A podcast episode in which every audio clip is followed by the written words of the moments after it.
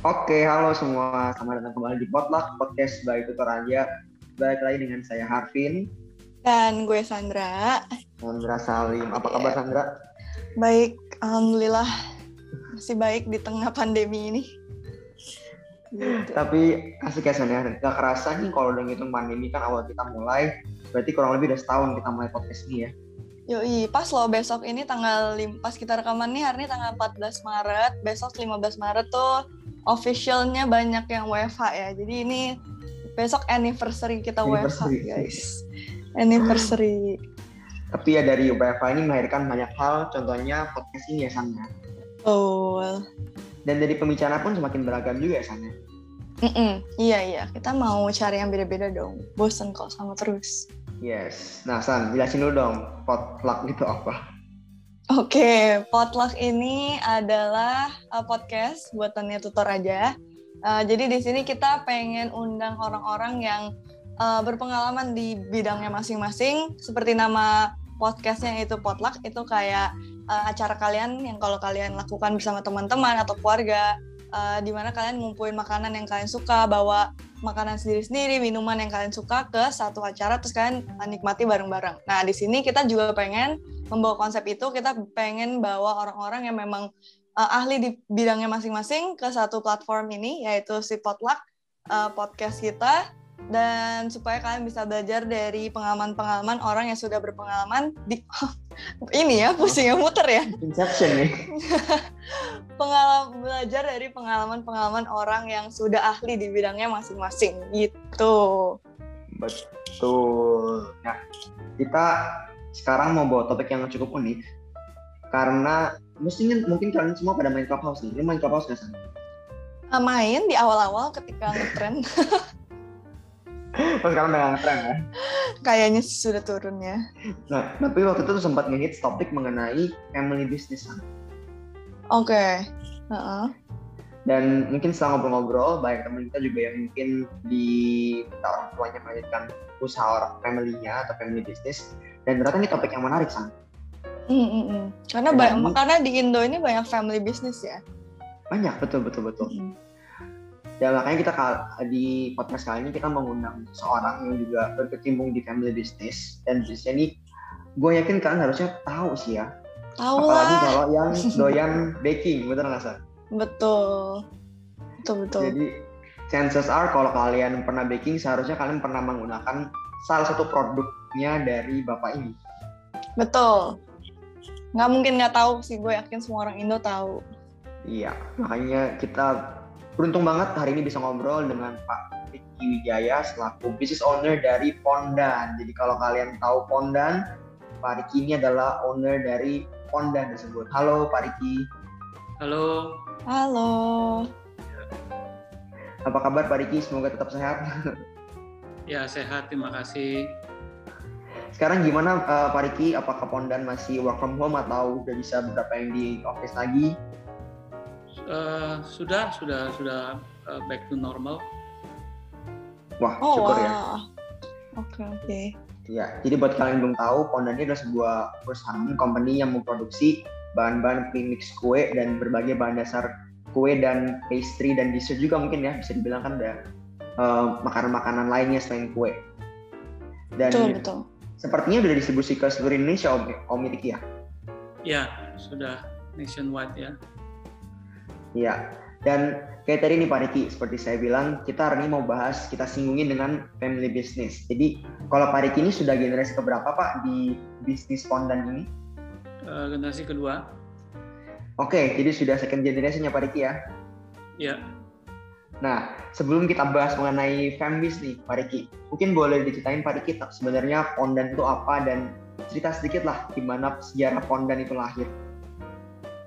Ya, uh, Pondan itu kira-kira dimulai tahun 77-78 ya waktu saya um, mungkin baru kelas kelas 1 SD mungkin ya. Itu di dirintis oleh kedua orang tua saya uh, sampai sekarang. Waktu itu produk yang launch baru satu ya uh, tepung kue atau cake mix hmm. baru satu item. Uh, sponge cake ya kalau bahasa sekarang sih namanya. Bolu ya. Um, waktu itu uh, keluar satu item dan kita waktu itu buka stand di PRJ Pekan Raya Jakarta waktu itu PRJ itu di Monas. Ya lumayan uh, respon dari konsumen lumayan um, dari situ ya kita terus bisnisnya berlanjut sampai sekarang. Oh, itu sih okay. dari ya. dari tahun 77 jadi sudah nyaris 50 tahun ya bisnis perusahaan ini bertahan. Iya, betul. Dan mulainya pun ternyata kan dari humble beginnings juga ya, dari cuma satu outlet di PRJ ya, bukan Jakarta ya. Iya, iya, betul. Buka, ya itu kan uh, buka stand ya hanya periode kalau nggak salah sebulan ya. Ya hmm. uh -uh. oke keren, keren keren banget sih. Aduh aku kalau ngomongin pondan kayak seru banget gitu. Kalau lihat di uh, retail gitu kan kayak aduh pengen bikin ini pengen bikin ini iya, pengen bikin ini gitu. Kayak iya. banyak banget. Kayak jadi um, menurut uh, aku sih pondan membawa convenience banget ke orang-orang yang pengen baking tapi baking dan juga bikin pastry dan puding dan lain-lain. Tapi males untuk cari kayak item per itemnya karena banyak terus harus mengukur lagi prosesnya kayak panjang gitu kan. Tapi Pondan ini membawa kemudahan untuk orang-orang yang malas seperti saya ke membuat bakery base kayak gitu. Begitu. Uh, kira-kira om uh, aku pengen om aja lah lebih enak. Boleh boleh Kira-kira Om uh, pas awal orang tua Om membangun Pondan ini, Om tahu gak kenapa uh, mereka memilih industri F&B pada saat itu dan apa sih visi dan misi pada awal mula mereka membangun Pondan? Boleh dibilang kecemplung di F&B itu bukannya direncanakan, tapi mm. kepepet ya, kepepet um, kepepet masalah ekonomi karena waktu itu mungkin mungkin uh, pengetahuan yang didap yang dipunyai yaitu gitu loh. Itu yang ada di di yang dipunyai ya itulah yang dijalankan. Kalau mungkin waktu itu punya background ngerti farmasi mungkin ceritanya lain. Jadi tapi intinya itu uh, ilmu yang di istilahnya bukan ilmu ya pengetahuan yang dipunyai dan itu yang dicoba itu ya sampai sekarang jadi kalau ditanya visi misi waktu itu ya nggak ada. Gimana hmm. bisa survive aja. Oh. Oke. Okay. Tapi ke, Om itu kepikiran demo atau bikin cake mix yang udah jadi terus habis itu tinggal dijual gitu? Karena uh, orang tua saya waktu itu profesinya sales. Sales hmm. uh, salah satu bahan baku di baking. Nah, kemudian karena beliau uh, banyak berhubungan sama uh, baker ya. Da, ya kemudian dapatlah sedikit banyak ilmu dari sana sini ya. Itu sih. Oke gila menarik banget sih. Iya san. Itu selalu ngingetin gue ke kata-kata banyak orang adalah start with what you have ya. Jadi Betul. kayak mungkin dari keluarganya memiliki dulu yang ilmu yang dipunya adalah cara mengenai dunia pastry, dunia perkoean dan itu yang dia kembangkan dia jadi besar seperti sekarang. Nah, uh, Om Riki, aku bangunnya juga Om juga nih ya. boleh, boleh. Pasti sudah ngelewatin asam garam bisnis, sudah lebih dari 40 tahun menjalankan bisnis ini. Selama ini Om, apa sih sebenarnya tantangan terbesar waktu mengembangkan si Pondan ini? Tantangan terbesar adalah uh, manpower ya, menemukan orang yang cocok uh, yang bisa memajukan uh, bisnis.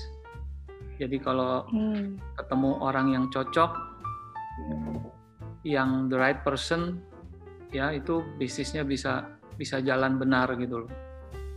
Kalau ketemu yang yang salah, bisa bikin kita semua susah.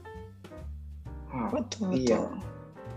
People emang orang tuh penting banget sebenarnya dalam perusahaan ternyata. Kita ini hal yang sama juga dibicarakan sama banyak orang ya. Pentingnya menemukan orang yang tepat.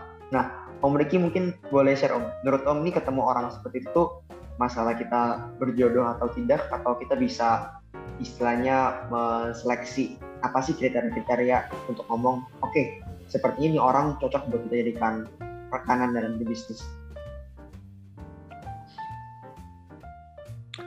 Saya eh, kita sudah pernah uh, meng-hire orang yang tidak tepat juga pernah. Yang bikin perusahaan juga jadi susah juga ada. Uh, dan um, puji Tuhan sih ya sekarang kita um, mempunyai tim yang um, bagus. Mudah-mudahan ke depannya uh, lebih baik tapi kita saya uh, sudah pernah dapat yang yang malah bikin susah perusahaan itu juga udah udah sudah pernah ngalamin itu semua lah ya. Jadi kalau ditanya um, seleksi ya mungkin jodoh juga penting ya. Jadi kalau kita uh, even seleksi pun kadang di permukaannya bagus, tapi begitu begitu sudah sudah masuk sudah jalan ternyata tidak sesuai harapan juga ada gitu loh. Mm. Ya. Itu sih. Yeah. Jadi dibilang uh, seleksi penting ya, tapi salah salah salah masuk juga walaupun sudah seleksi tetap, tetap salah juga. Itu juga saya alamin ya. Iya, iya. Selalu ada ya, Om. Ada lah ya orang-orang yang CV-nya bagus gitu, tapi pas masuk lu zong kerjanya gitu. Iya. Oh, Tapi saya juga penasaran Om. Sebenarnya yang Om cari dari misalnya calon rekanan bisnis itu sebenarnya orang yang seperti apa Om? Apakah yang pintar atau ada hal lain yang Om cari? Yang pintar pasti lah ya, harus agak pintar lah ya. Uh, kriteria yang pertama sih experience ya, pengalaman. Uh, pintar sih bukan yang pertama ya, tapi experience pengalaman di lapangan yang sudah sudah uh, pengalaman menangani produk-produk yang mirip-mirip kayak Pondan itu dan how to handle itu itu yang pertama yang penting. Iya, experience ya, experience matters. Yes, yes, betul betul. Nah, Om, kalau misalnya tadi kan tantangan terbesarnya uh, di human resource-nya nih. Tapi apakah pernah mengalami kegagalan eh, di bidang itu atau Pondan nih pernah ngalamin kegagalan apa sih yang menurut Om yang paling besar, yang paling diingat lah sampai sekarang selama sudah berpuluhan tahun berjalan? Dan gimana cara comeback dari kegagalan itu? Kegagalan banyak ya um, distributor tahu-tahu bisa pilot dan hmm. kita yang kita uh, nggak dibayar kemudian manpower orang yang kita percayai malah uh, nusuk dari belakang. Ya itu semua udah dialamin. Jadi yang puji Tuhan sampai saat ini sih kita tetap bisa lalu itu semua uh, walaupun dengan um, ke, ke, apa lumayan lumayan sakit lumayan ini tapi tetap kita bisa lewatin. Oke, kira-kira Om punya tips nggak kayak uh, gimana cara lewatinnya apakah itu karena timnya yang kuat tim om yang secara internal kuat atau hmm. komunikasinya yang bagus gitu atau bagaimana soalnya tadi kalau saya dengar om ini masalahnya lumayan besar besar rasan ya distributor iya. uh, ini kan perusahaan besar pak iya makanya itu kan kadang bisa bikin sangat sangat stres gitu om. Gimana cara survive nya itu om? Uh, saya pikir mesti, banyak berdoa juga. Okay.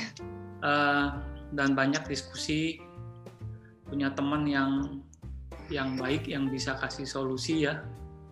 Dan uh, saya pikir itu punya teman yang baik yang bisa kasih solusi saya juga banyak berdiskusi uh, ke teman-teman tertentu ya yang memang uh, saya percaya dan bisa membantu saya keluar dari masalah. Oke, berarti komunitasnya Vin nih harus punya teman-teman lingkungan yang suportif, mendukung, iya. bisa memberikan input, feedback yang baik lah gitu, positif. Support system san itu penting sih untuk yes. Betul betul. Jadi supaya nggak merasa terlalu sendiri. ah, jadi curhat pak. Jadi curhat. Ya. Jadi um, punya tim yang yang tim yang bisa bantu kita itu penting ya. Um, jadi nggak bisa kerja sendiri, nggak bukan Superman. Ini harus punya tim yang bagus. Ya idealnya super tim, tapi ya itu proses ongoing. Mau punya super tim itu nggak mudah. Jadi ya apa yang ada disyukuri, kita maju terus uh, dan pelan-pelan kita Eh, menarik orang-orang yang sevisi dan bisa eh, memajukan perusahaan. Betul betul om. Karena aku juga kalau aku mengamati ya sebenarnya kalau kita bisnis semuanya dikerjain sendiri itu dalam artian ya lebih lebih oke okay sih. Tapi justru lebih susah kita membangun tim yang bisa mengerjakan bisnis ini sesuai dengan kita mau membangun sistemnya itu emang challenging banget dan saya yakin salah satu alasan Kondan bisa bertahan hingga puluhan tahun adalah mereka bisa mengembangkan sistem ini. Bener ya Om ya? Iya. Um, mesti ada passion juga ya. Mesti ada passion, jadi begitu ada masalah, uh, kita um, punya semangat untuk solve the problem. Jadi untuk family business penting kalau anaknya apa nggak punya passion ya it's a bit tough tapi ya harus di dipupuk ya passionnya ya dari orang tuanya uh, pelan-pelan dibimbing gitu ya second generation third generation supaya punya passion gitu loh hmm. mencintai bisnis juga mbak ya betul oke okay. lah Om Riki ini ngomong-ngomong tentang family business boleh diceritain nggak Om? Karena kan aku juga punya banyak teman yang sekarang akhirnya meneruskan family business dan mereka sering curhat tuh masalah-masalahnya ya standar lah Om ya kalau family business nggak cocok sama orang tua, orang tua percaya ini yang bagus, anak-anaknya mungkin disekolahin pinter jadi merasa enggak apa mak ini yang update, ujung-ujungnya berantem dan sebagainya macamnya. Mungkin boleh diceritain Om masa transisi dulu gimana waktu Om awal-awal masuk ke Pondan? Kalau saya, pengalaman saya sih um, tidak terlalu waktu itu tidak terlalu ada masalah konflik um, apa namanya misalkan saya ribut berbeda prinsip sama orang tua ya. Waktu itu saya tidak begitu um, buat saya kayaknya waktu itu tidak terlalu masalah karena waktu itu persoalannya uh, jauh lebih gawat. Jadi waktu itu waktu saya join terjun bantu utang perusahaan udah seleher. Ibaratnya udah hmm. udah udah sampai eye level, udah kelelep lah ya. Jadi whatever I do mereka sudah sudah sudah pasrah terserah saya gitu loh. Oh oke. Okay. Ya jadi bukannya waktu saya bantu terjun itu posisinya bukan lagi enak. Hmm. Udah udah udah um, sertifikat rumah, sertifikat pabrik semua udah di bank dan sudah sudah posisi sudah utang sudah seleher. Wow, gitu. oke. Okay. Ya, jadi not not much uh, orang tua bisa bisa uh, jadi mereka semua berharap ke ke kita generasi kedua untuk untuk turn around. Tapi mungkin untuk anak saya mungkin mungkin bisa ada isu seperti itu ya bisa hmm. konflik sama orang tua mereka bawa ide yang mungkin tidak tidak tidak sejalan tapi ya mudah-mudahan um, mudah-mudahan saya bisa atasi. Amin. Oke oke. Si tadi tuh uh, luar biasa sen ya. Aku bisa bayangin apalagi perusahaan sebesar Pondan ya kalau namanya mereka sudah sampai istilah omnya tadi sudah eye level tuh klubnya itu pasti stresnya tinggi ya om. Iya. Pasti very high pressure tuh om. Nah uh, aku mau uh, ulik lagi dikit om. Gimana ceritanya om bisa melewati period yang sangat-sangat tough ini kan jadi waktu itu um, saya start uh, simple saya perbaikin um, tampilan produk ya. Mungkin dalam hal ini packaging di, diperbaiki, kemudian um, distribusi ya. Distribusi sangat penting itu juga di, diperbaiki, kemudian um, new item ditambah. Jadi waktu itu um, setelah saya mulai bantu, kemudian uh, kira-kira dua tahun kemudian saya keluarin uh, new item ya uh, which is um, penjualannya lumayan bagus. Kemudian kena Krismon ya tahun 98 ya. Saya nggak tahu udah pada lahir belum. Tahun 98 itu Krismon parah sekali. Uh, kita sudah nggak sanggup bayar utang juga. Jadi waktu itu um, masuk ICU jadinya. Yang nggak bisa bayar itu masuk ICU namanya BPPT di take over bank-bank juga pada pada kolaps. Bank yang beri pinjaman saya juga kolaps. Hmm. jadi masuk ke di take over sama uh, pemerintah BPPN namanya. Bukannya BPPT sorry BPPN um, jadi di pemerintah take over semua hutang-hutang termasuk semua yang bank-bank yang kolaps itu di take over sama pemerintah. Waktu itu sangat chaos ya. Jadi um, kita juga terseok-seok jalan tapi malah waktu itu karena kita sudah stop um, bayar kewajiban waktu itu kita udah istilahnya sudah nggak uh, tahu dah kita punya jaminan itu uh, jaminan itu kolateral itu ada di mana sekarang. Yang pasti ada di tangan pemerintah gitu ya. Tapi kita bagusnya kewajiban um, bayar hutangnya bisa di stop dulu gitu loh. Nah di situ uh, dananya terkumpul nggak banyak sih ya waktu itu. Uh, tahun 99 kita nekat beriklan di TV hmm. ya bulan Agustus kita beriklan dengan hanya um, 100 juta rupiah modalnya. Hmm. Bikin materi iklan sama bikin materi iklan sekian plus uh, iklan di TV mungkin sekitar 70-75 juta. Bulan Agustus tahun 99 by Desember ya lumayan lah hasilnya ya. Hmm. Uh, jadi titik balik kita di situ. Oke, okay. wow.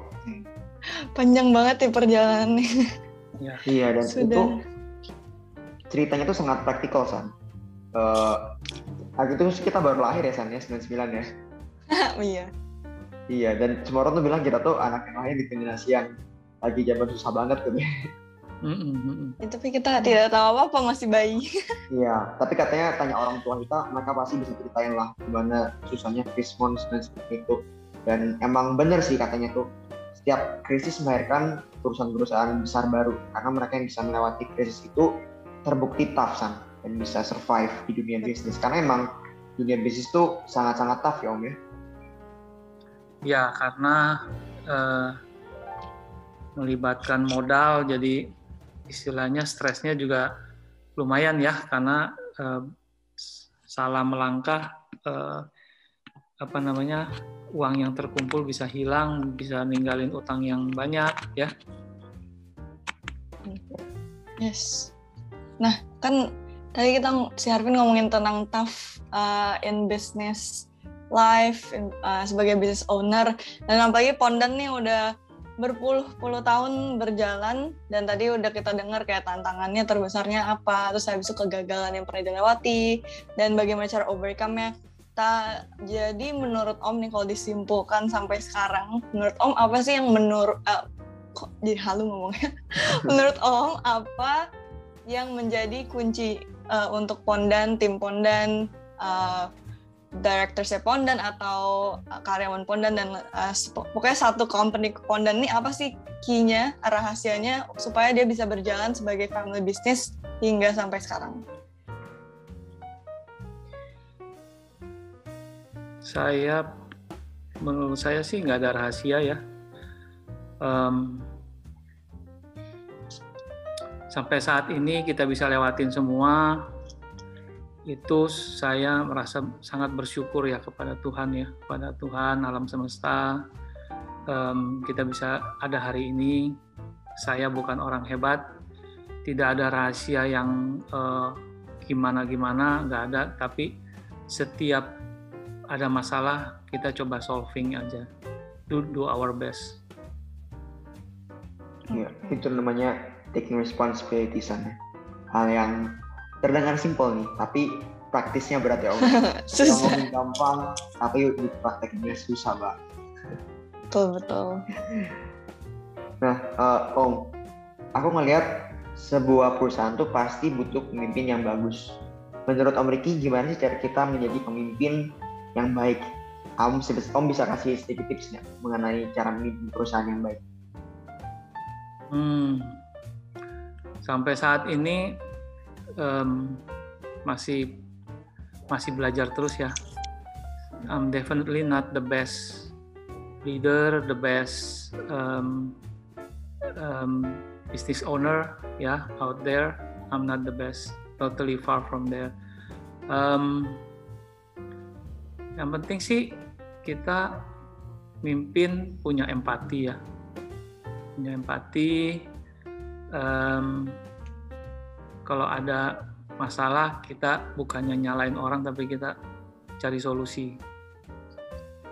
Itu ya. Jadi kalau kita pointing fingers to other people ya um, semua juga kabur gitu loh.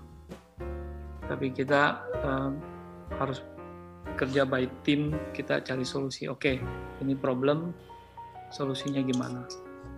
Karena kita definitely bukan bukan Superman, kita butuh butuh masukan dari tim kita. Itu sih kalau saya. Iya, betul betul. Jadi emang kita harus sadar san, kita nggak bisa ngerjain semuanya sendiri. Betul, harus delegate, harus percaya sama orang lain. Iya, emang namanya perusahaan itu kan dibentuk dari orang-orang dalamnya juga ya sana. Ya? Yes, people and culture-nya. Tuh. Uh, eh, BTW om aku tadi penasaran, uh, Pondan ini kan terkenal dengan cake mix dan uh, premixnya kan, premix uh, boxnya yang dijual. Nah, uh, selama Pondan berdiri, apakah ada kayak sesuatu apa sih yang paling inovatif yang mungkin dari produk ini kita ganti jadi produk ini atau ada produk ada produk baru nih yang kita keluarin yang paling inovatif yang menurut Om yang paling exciting gitu. Kalau Om bisa jelasin atau sebut aja salah satu produknya. Um, interestingly, the most innovative product doesn't mean um, doesn't mean is the best seller ya. Mm-hmm. Malah malah yang ada itu fail di pasaran karena terlalu advance.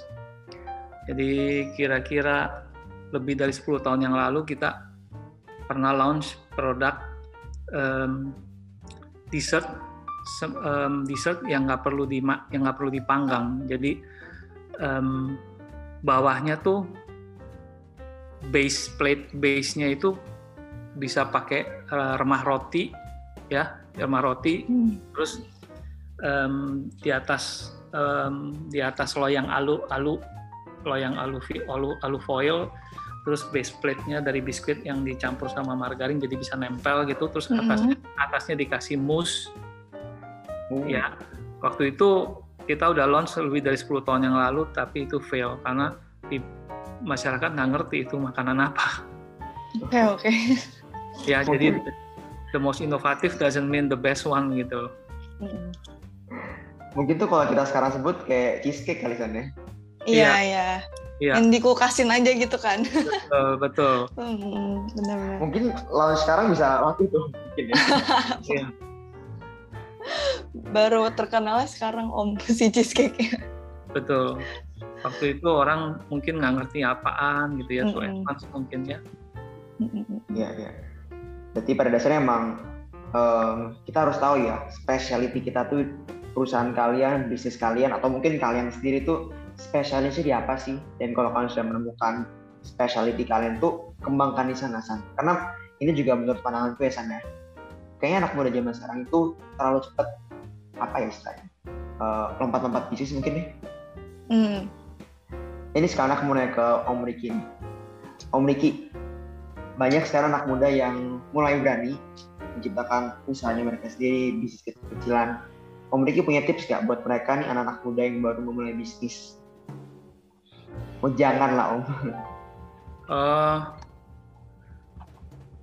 saya justru justru amazed sama um, at how the the business evolve very fast right now ya. Um, saya justru amazed dan kagum banget gitu loh the um, and how the technology evolve ya. Jadi seperti seperti ya kita semua tahu ya cerita tentang Facebook, cerita tentang um, Tesla, cerita ini, mungkin tentang Facebook sama WhatsApp gitu ya.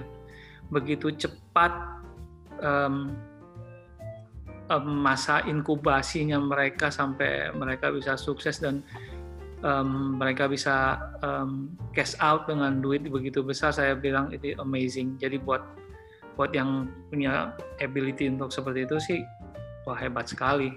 Saya bisnis saya ini bisnis obsolete, bisnis yang konvensional, bisnis yang yang jalannya kayak kura-kura. Jadi kalau anak muda mikirnya cepat bisa seperti um, yang sukses-sukses sih saya sih salut banget. I have no, I have malah saya pikir saya um, udah terlalu tua untuk kasih advice ya anak-anak yang yang muda-muda sekarang jauh lebih hebat. Oh. Tapi betul Om. Tapi um, banyak banget sih menurut aku Om ya bisnis yang mungkin growing too fast. Justru malah kita harus uh, banyak banget berkaca pada bisnis-bisnis yang bertahan selama lebih dari gak usah jauh-jauhan 20 tahun aja deh kayaknya untuk membangun bisnis yang di atas 20 tahun itu itu sudah merupakan sebuah achievement yang bagus karena berarti kita sudah membangun infrastrukturnya, ekosistemnya.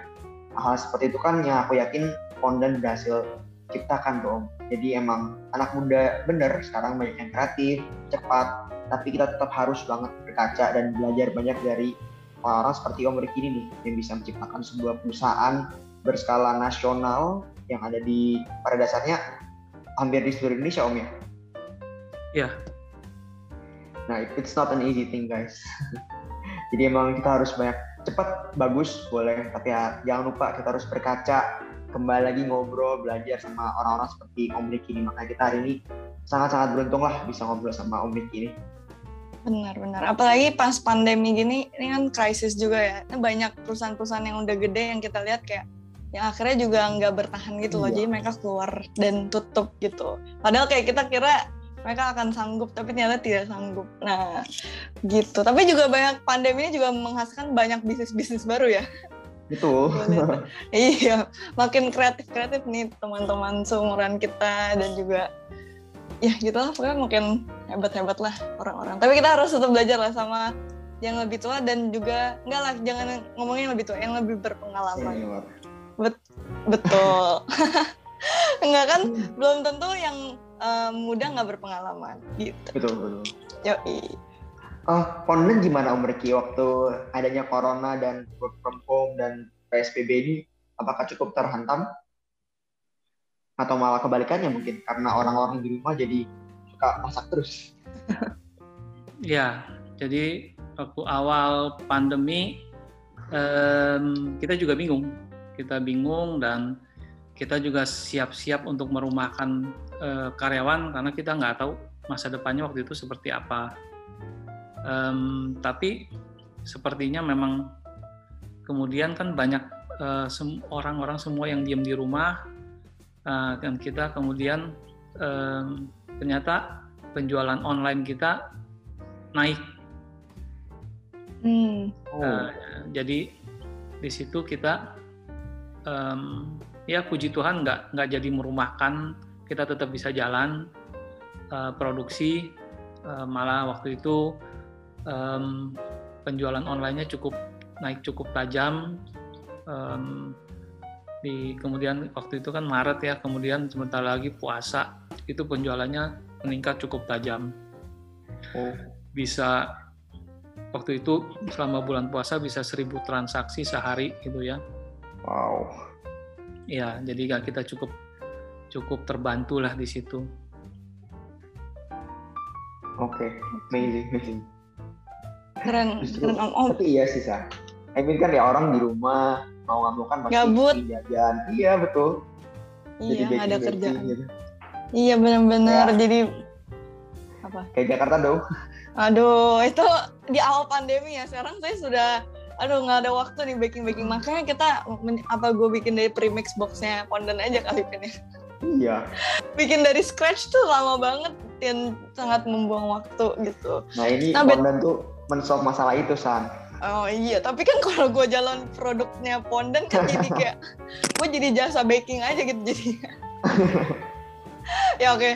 Anyways, Om, uh, aku penasaran dari sekian banyak produk pondan, yang mana sih yang paling favorit masyarakat Indonesia?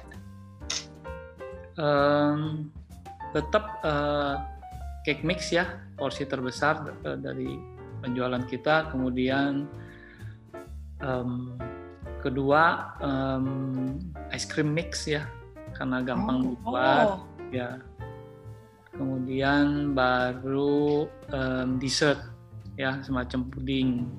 Hmm aku malah justru sering nyobanya yang puding kan. Iya puding yang cepet loh bikinnya. Iya paling gampang. Tidak berbakat. Betul tuh eh gue baru tau lah Ponen ada ice cream mix. Ih, seru iya. banget. Ih. coba deh bikin. Iya jadi pengen cobain. Oke okay. uh, saya ada pertanyaan nih om. Ini sebenarnya agak off topic sih dari bisnis tapi penasaran aja. Kenapa Fondan eh, nggak uh, menciptakan misalnya bake bukan bakery mungkin ya semacam produk yang udah jadi gitu produk yang sudah bake ada kita um, kita punya uh, baru kecil tapi kita bikin banana soft cake seperti oh oke okay, oke. okay. um, yang dari Jepang itu apa ya namanya?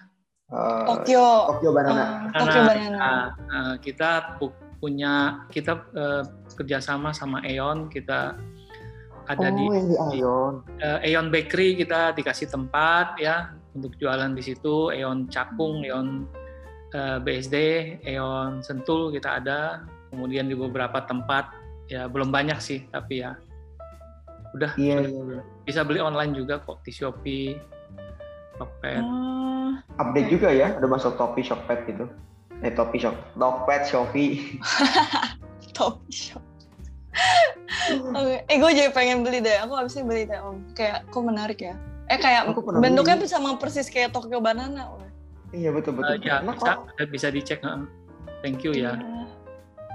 Soalnya aku rumahku di BSD om, jadi aku pernah beli itu di Iron Bakery. Iya iya. Thank you. Oh, iya. Jadi emang walaupun perusahaannya sudah cukup lama ya, tetap penting namanya inovasi. Bahkan udah masuk ke Tokped, Shopee, udah buka retail store juga, buka produk-produk yang lucu-lucu kan sebenarnya tuh kan ya produk-produk anak muda tuh kan bikin yes. Tokyo Banana. Betul, betul. Jadi penting untuk tetap berinovasi. Oke, okay.